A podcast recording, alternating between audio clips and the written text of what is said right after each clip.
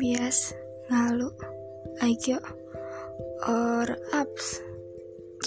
Gue yakin yang IQ pasti tahu tentang ini.